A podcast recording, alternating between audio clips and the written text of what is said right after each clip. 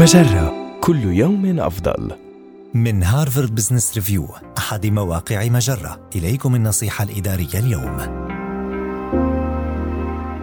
استخدم هذه الحيل البسيطة إذا كنت ممن يكرهون التعارف.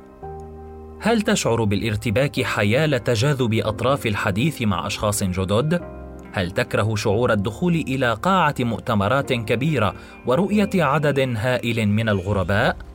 ينبغي ألا يكون التعارف مخيفا أو صعبا.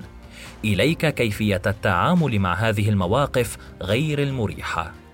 واحد ابحث عن الأشخاص الذين يسعون إلى التعارف أيضا ولكنهم يبدون مترددين مثلك.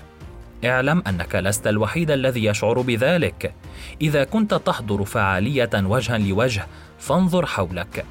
إذ من المحتمل أن يكون هناك شخص يقف بمفرده أو ضمن مجموعة ولكنه لا يشارك في المناقشة فعليا اقترب منه وابدأ الحديث معه.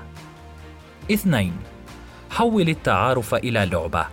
على سبيل المثال، إذا كنت انطوائيا فتظاهر أنك شخصية منفتحة في لعبة فيديو وسجل نقاطا نظير التحدث إلى أشخاص جدد.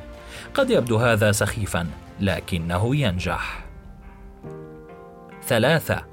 ابحث عن الاهتمامات المشتركة. بدلا من القلق حيال كيفية تجاذب أطراف الحديث مع شخص غريب فكر في إيجاد اهتمامات مشتركة معه. يمكنك قضاء بعض الوقت قبل أي فعالية في التفكير في الأنشطة المختلفة التي تمارسها. مثل البستنة والقراءة وتعلم تكنولوجيات جديدة لكي تركز في أثناء المحادثة على الموضوعات التي تشعر بالراحة تجاهها. أربعة: أعد النظر في تعريفك للتعارف، فهو لا يعني دوما مقابلة أشخاص جدد، إذ يمكنك التواصل مع الأصدقاء الذين تعرفت عليهم في وظائفك السابقة أو الزملاء الذين كانت علاقتك بهم محدودة، واطلب منهم التواصل في بيئة قليلة الضغوط مثل شرب القهوة معا أو إجراء مكالمة عبر برنامج زوم.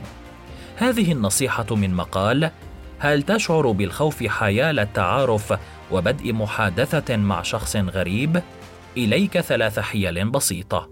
النصيحة الإدارية تأتيكم من هارفارد بزنس ريفيو أحد مواقع مجرة، مصدرك الأول لأفضل محتوى عربي على الإنترنت.